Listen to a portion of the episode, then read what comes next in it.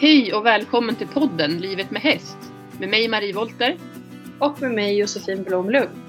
Har du önskemål om innehållet i podden? Kontakta oss. Ni hittar oss på sociala medier. Instagram, Livet med Hästpodden.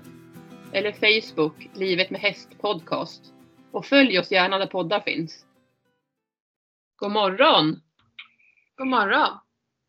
Då är det riktigt snö och väder hörru. Ja, det har kommit jättemycket snö. Stora mängder. Ja, jag skulle tippa på att det är nog en decimeter här i alla fall. Kanske till och med lite mer. Ja, det tror jag det är här också. Ja.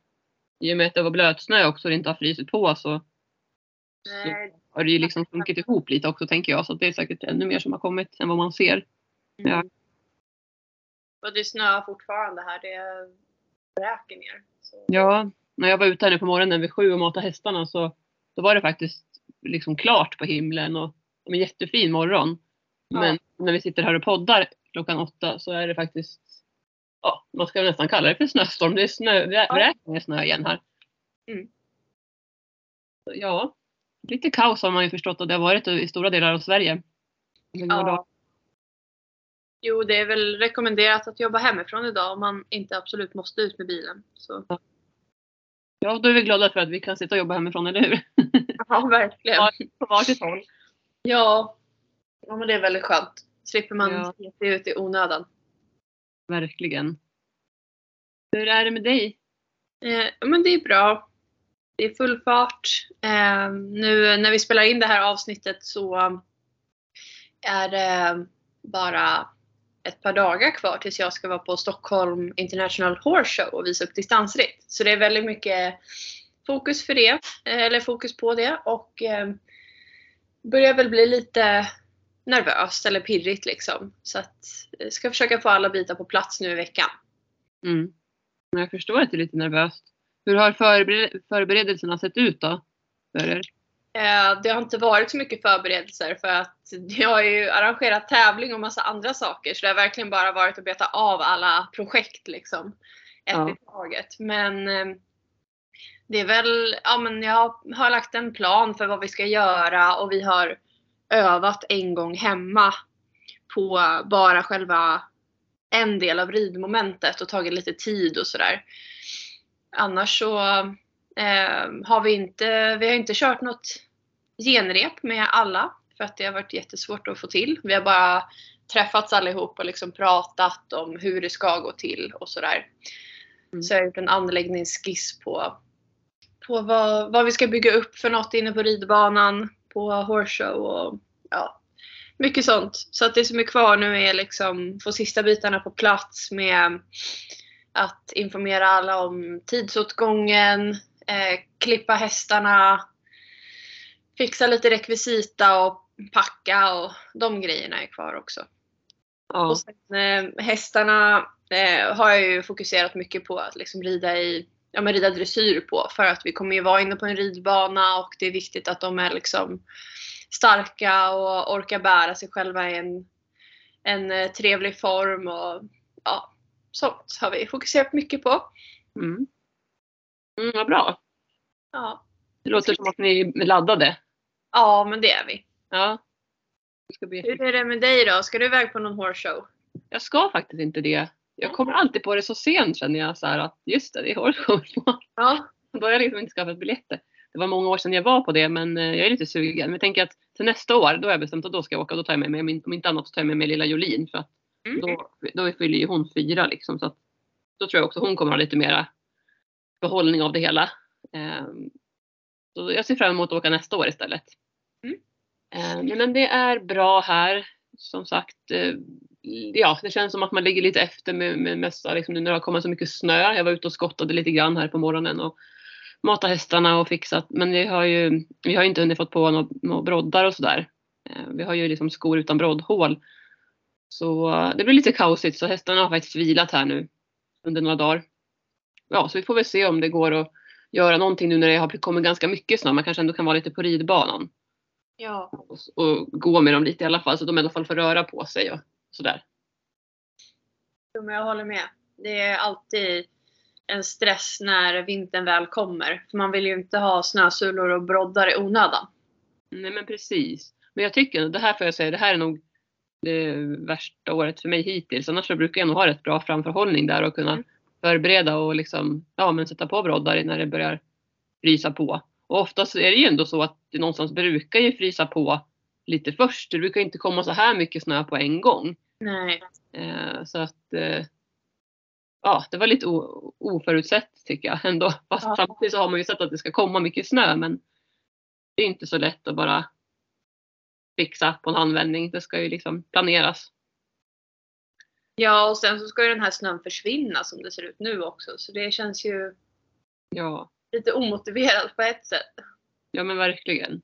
Det är tråkigt samtidigt. Det hade varit kul om det hade fått vara snö nu resten av vintern. För jag gillar ju verkligen snö. Jag tycker mycket om snön. Och som vi sa tidigare avsnitt så ville vi både du och jag bli av med den här leran som har varit och det känns ju på ett sätt skönt. Men samtidigt så under den här snön nu så är det faktiskt fortfarande ganska grötigt i leran. Och det inte har liksom frysit på riktigt. Så vi får väl se hur det blir framöver här. Om det får smälta och sen förhoppningsvis frysa på på nytt. Bara det inte fryser på för snabbt så att det blir eh, halka istället av det här. Det är min rädsla.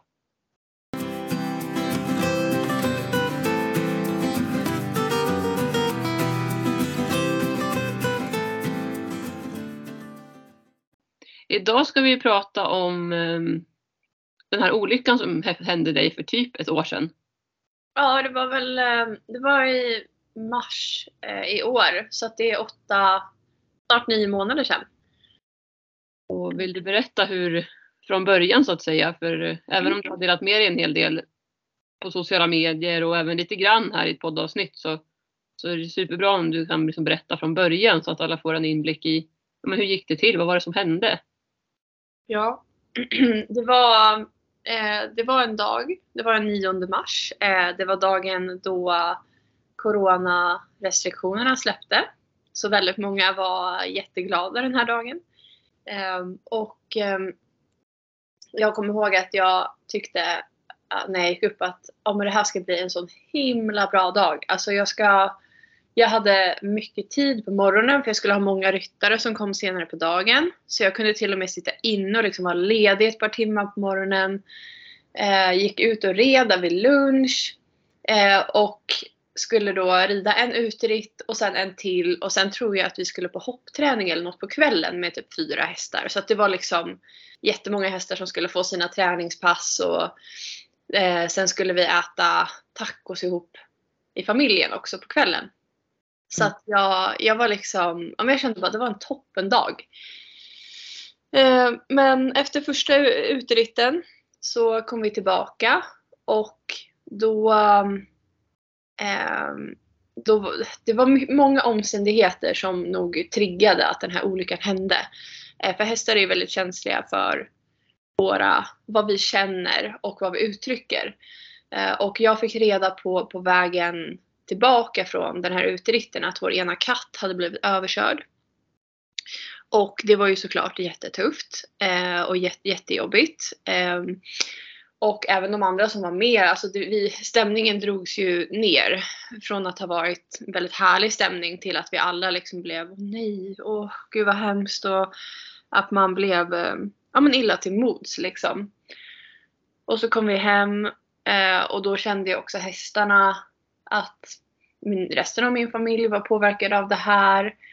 Och det blev lite, ja men som sagt det var, det var lite så här tryckt stämning på något sätt. Och sen så var det, eh, ja men det, det hade varit lite mycket eh, energi eller lite stress hos eh, några av de som var med och red. Eh, så att det fanns liksom en underliggande stresskänsla. Och vissa hästar är ju väldigt känsliga för det. Och jag tror att det var en faktor som faktiskt spelade in när det kom flera saker på varandra. Eh, jag såg en, en väldigt pedagogisk förklaring på det här med eh, ja, men trigger, att hästar blir triggade.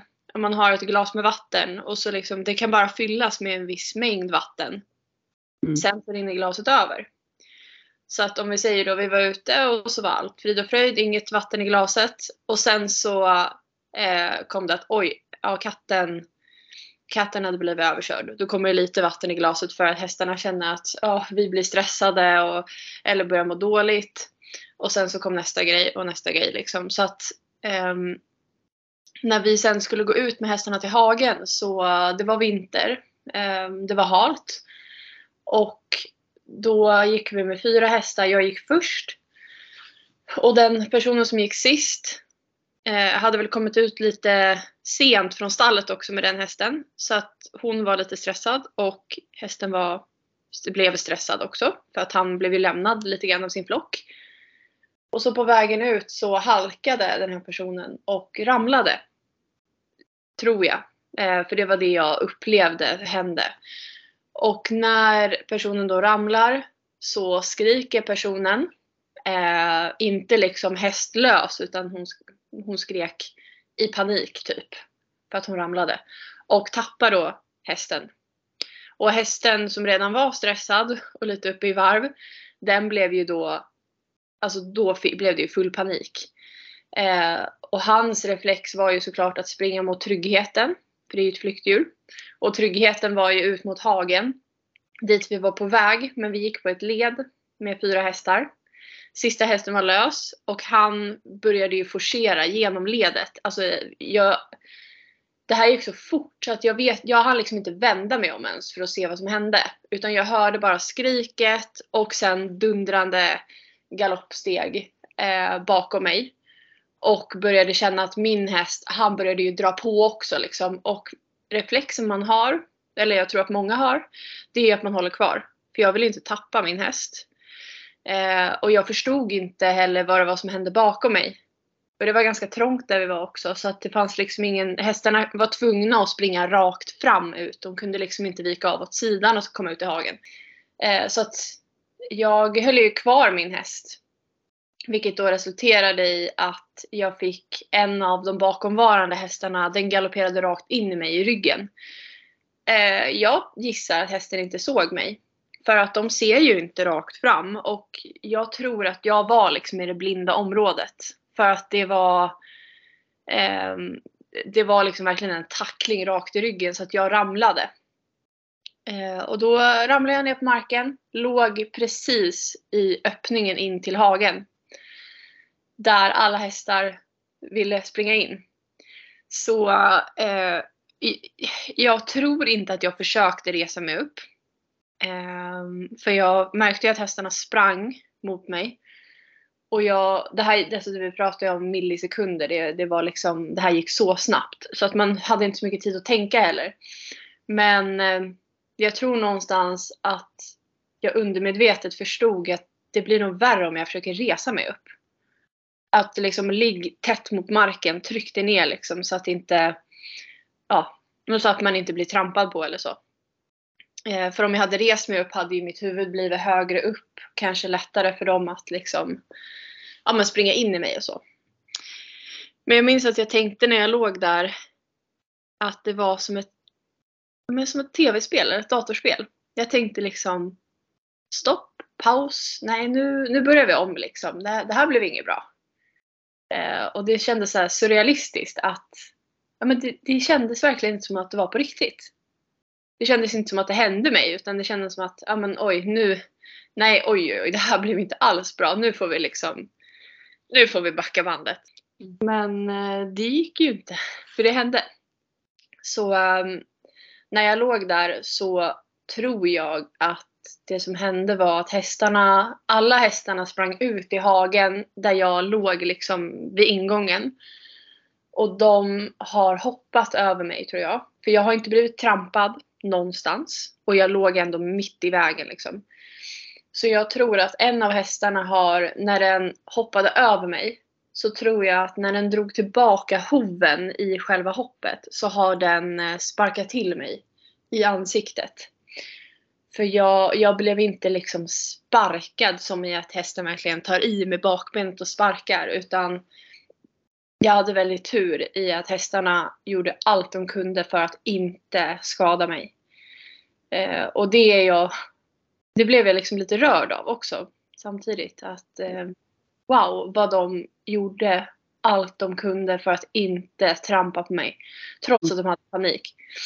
Jag sitter här med tårar i ögonen faktiskt. För jag vet Ja. när du sa det till mig också. Alltså jag blev ju så chockad och rädd. Och jag förstod ju att du, att du mådde okej trots omständigheterna eftersom att du kunde meddela själv hur du alltså, berätta situationen liksom kortfattat.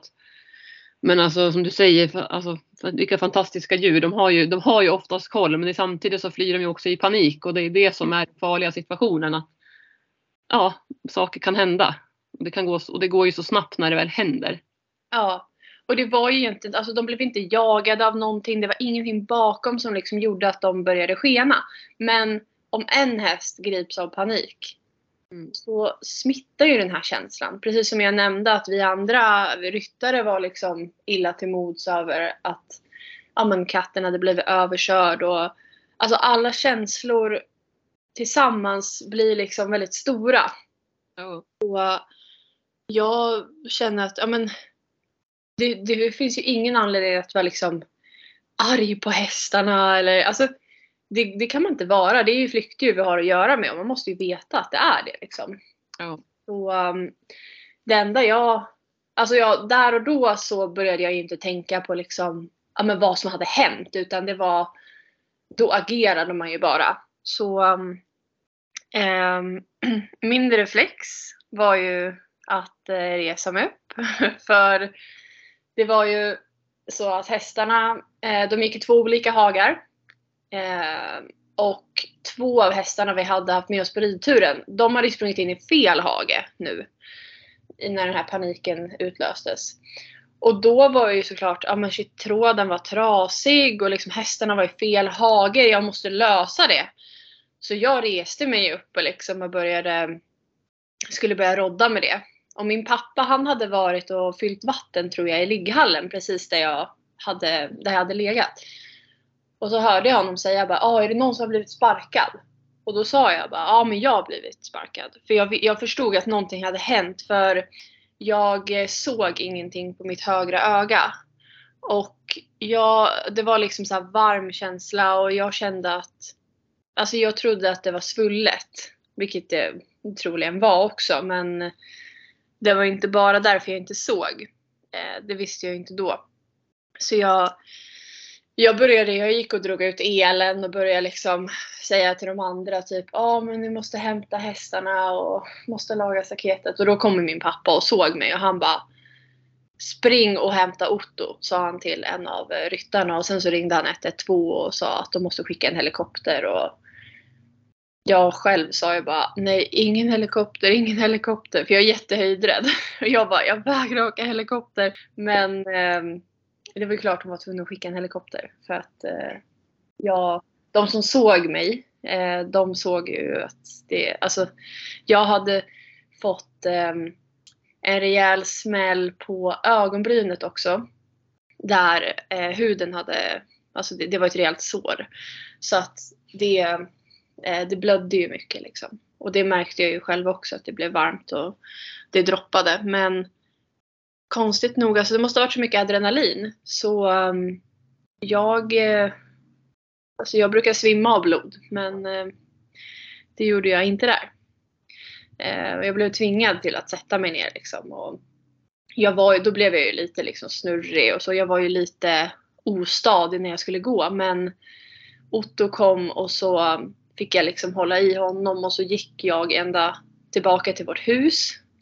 Och där satte jag mig ner. Och eh, där sen så, det dröjde inte jättelänge innan helikoptern kom tror jag.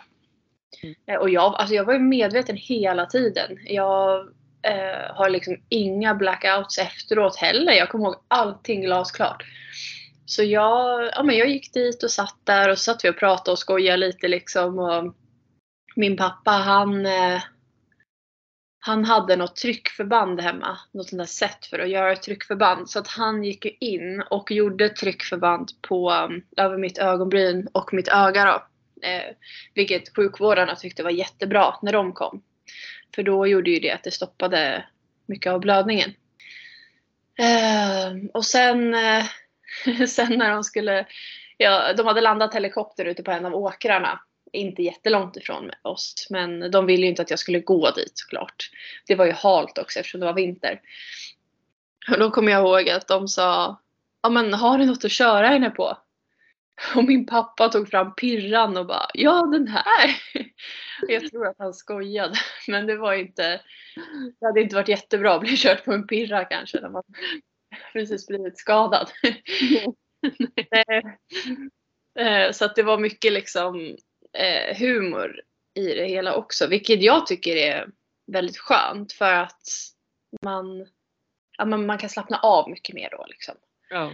Så uh, jag är väldigt glad att min familj, de uttryckte inte sin oro i alla fall när jag var där. Så att jag kände inte, jag kände mig helt lugn. Alltså jag förstod att jag behövde åka till sjukhus för jag hade ju ett sår. Men jag var ju inte, jag var inte alls orolig för alltså att det kunde vara värre saker.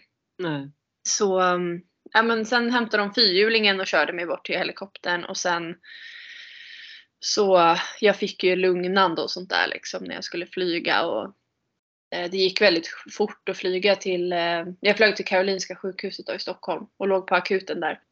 Och eftersom restriktionerna släppt den dagen så fick min syster och eh, min sambo Otto, de fick komma in till mig i akut, när jag låg där på akuten. Ehm, och eh, de fick vara där så länge det inte var någon annan patient i samma rum. Så att de var hos mig ganska länge i alla fall tror jag. Skönt. Ja, jo men det var jätteskönt och de pratade ju och skojade med mig också. Ehm, och jag blev ju liksom, jag blev ju sydd och sen så behövde de ju kolla, eh, försöka kolla mitt öga då eftersom jag var så otroligt svullen i ansiktet var ju inte det så lätt. Och jag hade blundat i stort sett från att jag var i helikoptern till att jag var på sjukhuset och jag blundade liksom fortfarande för jag ville inte jag ville inte kolla med vänstra ögat heller. Det högra kunde jag inte öppna för det var så igensvullet liksom. Men då kändes det bara bäst att bara blunda hela tiden. Och sen så behövde de ju, de behövde ju undersöka mitt öga och det tyckte jag var lite obehagligt. Eh, men eh, det såg initialt väldigt bra ut eh, och de kunde ju konstatera liksom att det ser ut som att alltså utifrån vad de kan se så är ögat intakt men jag behövde ju också undersökas av en ögonläkare såklart. Så fick jag åka på röntgen och eh, när jag kom tillbaka från det så kom läkaren och sa det att ja, det såg bra ut på röntgen. Och jag antar så här i efterhand att bra ut menade de att det var ingen hjärnblödning eller något sånt som de kunde se. För sen la hon till att eh, men du har frakturer i området. Mm. Och då blev jag jätteförvånad. För att jag hade inte haft en tanke på att jag skulle kunna ha brutit någonting liksom. Nej. Eh, så det var ju, ja men jag blev ju helt liksom mållös. Och bara, va? Frakturer liksom? Hon bara, ja du har en fraktur. Ehm, ja, då, och jag förstod inte vart frakturen satt. Jag förstod att en var typ in mot näsan till. Och sen var det en till. Och jag trodde då att den satt vid mitt ögonbryn där jag hade haft det här stora såret. Så um, eh, ja, det, det, var, det var det jag kunde få ut av det vi liksom pratade om. Så, sen var man ju inte så klar i huvudet så att jag ställde ju inte direkt massa följdfrågor eller så. Men eh, jag förstod på dem att ja, jag behöver vara kvar på sjukhuset för observation. För att de behöver se om det här måste opereras akut. Eh, vilket de inte hoppades på. För det är väldigt svårt att operera i ett område där det är väldigt svullet. Så um, jag fick vara kvar i alla fall och sen som tur var så behövdes ingen operation akut. Utan jag kunde vänta. Så jag fick gå till ögonläkaren dagen efter och undersöka ögat. Och då såg han inte heller några tecken på någon form av skada på ögat. Vilket jag kände var helt fantastiskt också med tanke på alltså, vilka små marginaler det var. Ja. Ehm, ja, men sen fick jag komma hem och jag, fick ju, jag var ju tvungen att ta det lugnt såklart. Ehm, och för att försöka sammanfatta de här veckorna som gick mellan eh, olyckan och att jag sen fick opereras så var det ju mycket att när jag sen successivt började få upp ögonlocket mer efter att svullnaden släppte på högerögat så insåg jag att jag kunde inte kolla med båda ögonen för att jag såg dubbelt. Och det, eh, alltså det är svårt att förklara hur det kändes men när jag kollade med båda ögonen då var det ungefär som att det snurrade hela tiden. Liksom som att bilden rörde på sig. Eh, ja, men det känns lite som att vara, som jag antar att det känns att vara sjösjuk. Liksom. Eh, att man, man blev liksom bara oh, helt snurrig. Och jag visste inte riktigt, jag visste inte vad det här berodde på. Men jag visste att jag skulle opereras sen och tänkte att jag hoppas att det här kan åtgärdas med operation eller om jag typ kan få glasögon eller någonting. Eh, så att jag fick ju gå med ögonlapp på hela tiden. För jag kunde verkligen inte använda båda ögonen. Det gick inte. Alltså jag blev helt snurrig. Så eh, ja men då fick jag ha ögonlapp eller eh, solglasögon med eh, eh, tejp på högerögat. Så att jag, jag kunde ha solglasögon på mig men ingen såg att jag hade en lapp för eh, mitt högra öga. Mm. det var mycket vila. Jag sov jättemycket. Eh, väldigt många timmar per dag för att hjärnan var väl trött såklart. Och um, hade tack och lov inga komplikationer från alltså, sparken när det gäller huvudvärk eller sådana grejer. Det var jag väldigt skonad från. Det var bara några dagar i början som jag var liksom, ja men, lite extra trött i huvudet och hade huvudvärk och så. Um, och um, sen så var det dags att opereras. Jag tror att det var typ två, tre veckor efter olyckan. Jag kommer inte riktigt ihåg det men jag har för mig att det var något sånt. Och då så hade jag ju förstått att det var en väldigt komplicerad operation de skulle göra. För eh, då var det ju i ett väldigt, alltså det, det, var ju i ögonområdet och där finns det ju väldigt mycket nerver och så också. Så eh, jag var jätteorolig. Alltså själva operationen var nästan det som var jobbigast under den här perioden för att då fick jag verkligen Alltså jag bröt ihop och liksom grät innan narkosen och sånt där för jag var så orolig över resultatet, hur det skulle bli. Eh, och jag hade också då fått förstått att frakturen satt inte alls uppe vid ögonbrynet utan den satt ju under ögat och det var därför jag var dubbelsynt.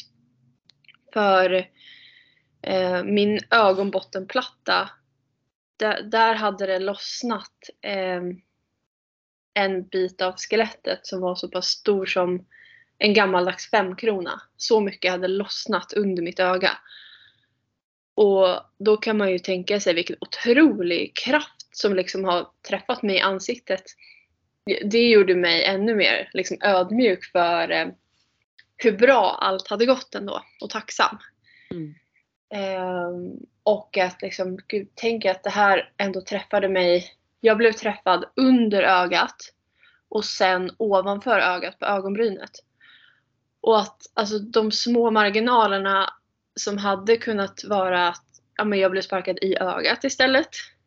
Eller liksom näsa, mun. Andra ställen också som jag känner på, på vissa sätt hade varit värre. Svårare att fixa kanske. Eh, eller i alla fall, jag tänker liksom om eh, man hade blivit av massa tänder hade blivit ganska jobbigt också.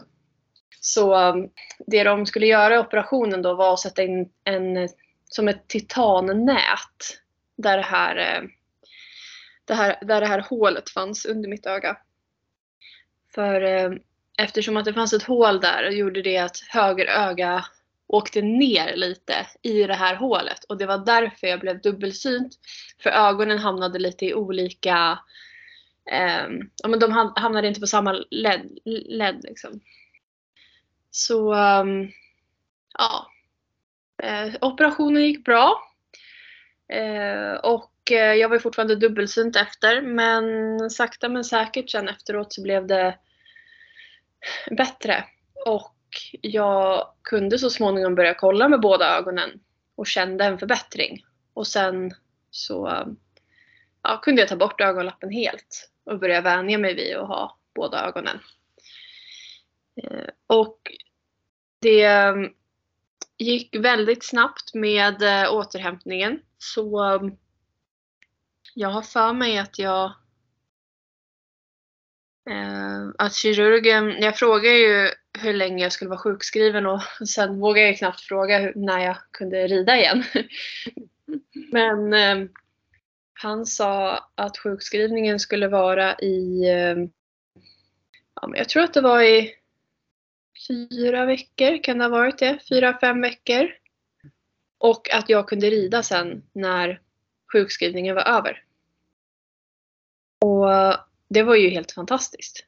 Verkligen. Sån änglavakt och sån, ja. Sån tur på turen. Ja. Ja men just det, ja, nej jag rörde ihop det. Det var ju 9 februari var min olycka. Och 9 mars, då satt jag på hästen igen. Så var det. Mm, just, just det. Så att det var ju i februari som olyckan skedde. Och sen drygt fyra veckor senare så kunde jag sitta på hästryggen igen. Och um, jag, var, jag visste inte riktigt hur jag skulle reagera när jag satt upp igen. Så um, det, det var ju spännande att se. För jag tänkte det kan ju vara så att jag har liksom något trauma förknippat med det här nu. Mm. Men eh, jag kände faktiskt ingenting. Ingen rädsla eller så. Mm. Och det var jätteskönt. Ja, det förstår jag. Och det är en fråga du har fått Mm. är ju just att, eh, ja men känner du dig rädd? Mm. Precis, det är ju den frågan har jag fått av ganska många. Eh, och jag eh, är väldigt glad att kunna säga att nej, det gör jag inte. Jag eh, är tacksam att det hände på, när jag var på marken. För jag tror det hade varit värre om jag red och var med om en sån här olycka. För då hade det nog satt sig mer i själva ridningen. Ja. Men eh jag kände verkligen ingen osäkerhet när det gäller hästarna eller ridningen. Eh, det som är väl att jag vill gärna ha bättre koll på liksom vart hästen är. Om hästen är lite, lite på hugget, liksom lite stissig, det kanske blåser och den är lite ängslig, då vill jag absolut inte att den går bakom mig. Eh, och det är jag mycket mer noggrann med nu. Att jag vill att hästen går vid sidan om mig så att den ser mig ordentligt. Um, så att, och att man, jag har liksom lite mer med mig det tänket att eh, inte bara liksom ja men ta hästen, åh vi har jättebråttom ut i hagen, nu ska vi äh, skitsamma hur den går liksom. Utan att jag alltid är väldigt noga med hur jag leder hästen och att det ska vara tryggt och bra. Och jag kan säga att den hästen som kom lös, han har haft, eh, han har haft mycket problem efter. Han blev jättepåverkad av den här händelsen. Han, och det, det är faktiskt något som man kanske inte tänker på. Äh, hur hästarna eh, tar sådana här saker. Nej. Så han ville ju, i början ville han inte komma in från hagen. Det var jättesvårt. Man fick på honom grimman men han bara tvärvägrade att gå ut ur hagen.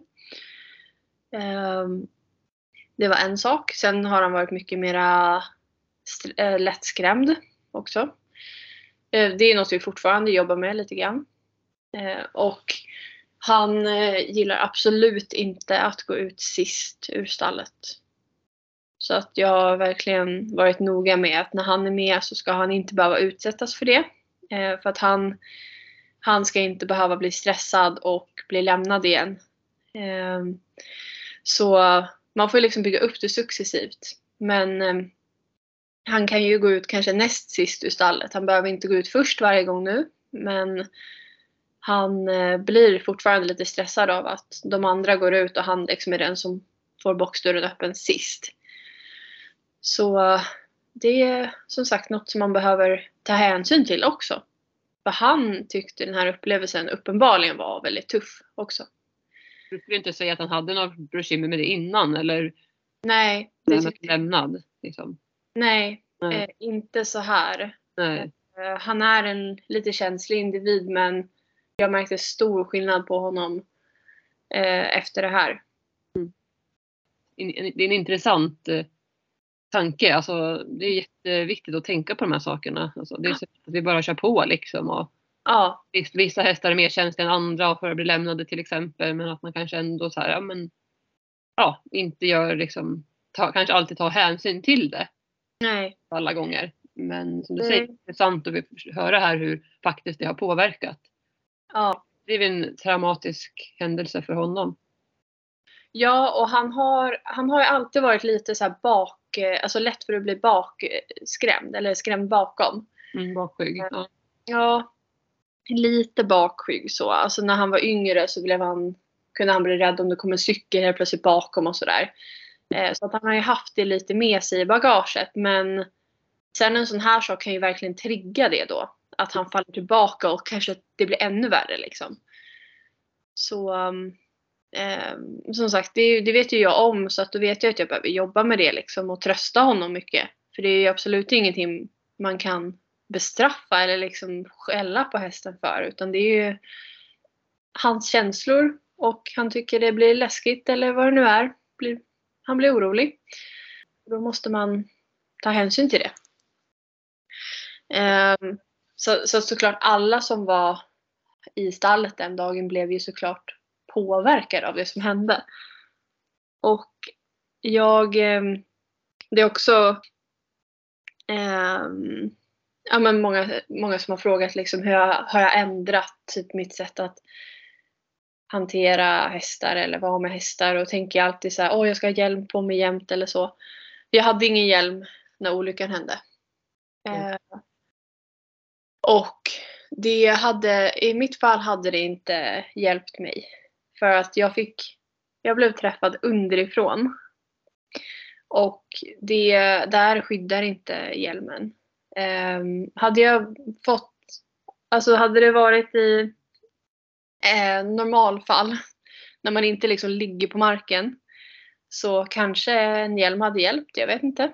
Men eh, alltså jag blev träffad underifrån som sagt. Och det, ehm, om sparken hade träffat hjälmen också då underifrån så hade jag ju fått ett väldigt eh, drag ifrån hakbandet liksom i nacken också. Så jag tror verkligen i mitt fall hade det inte det hade inte gjort saken bättre på något sätt. Nej. Så jag har inte börjat använda hjälm hela tiden. Det, ehm, eh, min mamma tyckte ju efter att det hade hänt, hon bara alla måste ha hjälm på sig hela tiden. Men det, ehm, ja som sagt, jag, jag tänker på det när jag är i situationer där det är en ung häst kanske, eller en häst jag rider in och så. Alltså att man, en häst som är mer eh, explosiv eller det kan hända mer saker då man faktiskt kan vara skyddad mer av en hjälm. Men jag har inte på mig en hjälm när jag går ut i hagen och ska hämta min häst. Mm. För att jag, jag är fortfarande som jag var innan liksom. Ehm, Jag upplever inte att det skulle på något sätt ändra Alltså, jag vill ha hästarna grundtrygga ändå. Eh, sen så kan det, alltid, det kan alltid hända en sån här paniksituation liksom. Men jag försöker att göra allt säkrare genom hur jag hanterar hästarna, hur jag tränar dem. Att de ska vara trygga individer. Eh, när min häst som var med i olyckan då blir orolig eh, och inte vill bli lämnad, då måste jag ju träna på det för att det ska bli säkrare. Så att, och, och så, det gjorde jag ju innan också. Så ja, det, man ska alltid ha med sitt säkerhetstänk liksom. Och inte vara... Sen kanske jag inte är lika oförsiktig eller vad man nu ska kalla det för. Jag har inte varit oförsiktig riktigt heller men jag kanske tänker Mm. lite mer på vissa saker än vad jag gjorde innan. Mm, jag skulle säga det. Liksom, oavsett vad man är med om, att man blir mer eftertänksam. Mm, Tänker, tänker kanske en extra gång. Liksom. Ja, jag menar såhär, oj nej men den där, det är inte bra att eh, ja, men någon kanske bara har lutat sopborsten i stallgången så att den kan ramla och Precis. liksom, okej okay, men då flyttar jag på den. Istället för att bara, äh, det går nog bra att gå förbi den. Mm. Eh, så att man, som sagt, man, man behöver inte ta några onödiga risker. Nej, det är helt, helt rätt. Eh, och det är ju för hästarnas skull också. Att jag vill inte att de ska liksom, ska hända något. Man är ju ofta i ganska trånga miljöer. Och det är lätt för dem att fastna i saker och sådär. Ja, precis.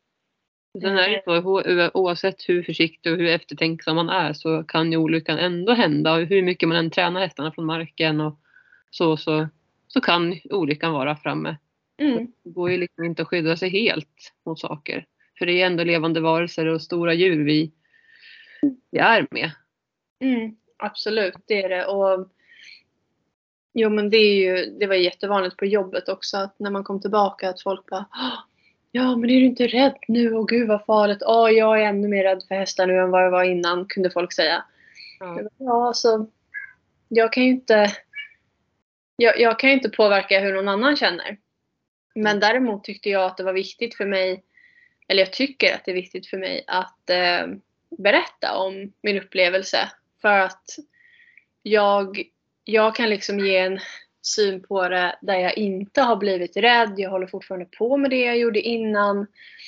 Ehm, men vissa kunde tycka att nej, nej, oh, men prata inte om det. Folk kan bli rädda och de kan börja tänka på alla saker som kan hända. Bara, ja, fast man kan ju inte sticka under stolen med det heller. Eller liksom linda in någonting. Ehm, ja, men, och ge ett sken av att det inte är flyktdjur vi har att göra med. Nej. Men det gör ju, alltså det kan, det kan vara farligt att gå ut och köra bil också. Verkligen. Men det där ser jag någonting helt sant. Det är mycket saker som är farligt liksom. Man kan om man går utanför dörren och blir påkörd av en bil. Alltså vad som helst kan hända liksom. Det går ju inte att gå runt och vara rädd hela tiden. Men så länge man har ett sunt tänk liksom, kring allting och ja, tänker en extra gång och ja, mm. gör det man kan så att säga. Ja men exakt. Allt kan vara farligt på ett eller annat sätt. Jag älskar fortfarande att hålla på med hästar. Och som jag sa innan också, jag skulle aldrig lägga någon skuld på hästarna i det här som hände. Det var ingens fel. Det var flera faktorer som samspelade och sen så råkade det hända. Eh, den här triggande saken där hästen kom lös liksom. Och, ja, det, det är som sagt ingens fel. Varken människa eller djur. Det, och det är sånt som en olycka kan liksom hända. Så är det ju. Och det som är viktigt också att förstå när det gäller hästar, för de som inte kan så mycket om hästar, det är ju att hästar är ju liksom inga elaka varelser som vill skada oss med flit. Det ska man mm, tänka på. Och är en häst som någon gång i en situation liksom agerar aggressivt så är det ju i försvar. Liksom mm. det, när de känner sig trängda. Liksom, en häst är ju inte elak så på det sättet. Utan det är ju, de reagerar instinktivt och de är här och nu och de är väldigt ärliga. Liksom. Ja. ja, så är det verkligen. Eh, och det, det som jag snarare tar med mig är ju just tacksamheten och att vara ödmjuk för allt man har. Tacksam för eh, att det gick så bra som det gjorde för mig ändå. Att eh, jag inte har fått några men vad jag vet nu i alla fall. Eh, och att ja, men alla, alla som ställde upp runt omkring, allt. Alltså, man blir bara så tacksam liksom. Mm. Och det, det är ju det viktigaste som man får ta med sig. Och att för mig blev det också, alltså jag har ju alltid haft jättemycket att göra, det har jag fortfarande men eh, vid olyckan så var jag verkligen tvungen att bara, nej, du måste vila. Bara släppa allt. Och det var också en prövning. Eh, där man också fick se att så här, ja, men, saker funkar. Eh, även om jag inte är med. Eh, det kanske inte blir som jag hade önskat eller som jag hade gjort det. Men det funkar. Mm.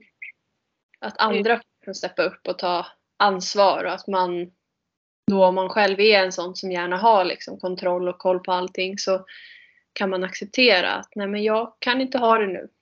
Mm. Mm, det är en bra, var ju en bra lärdom på det viset för dig. Så. Mm.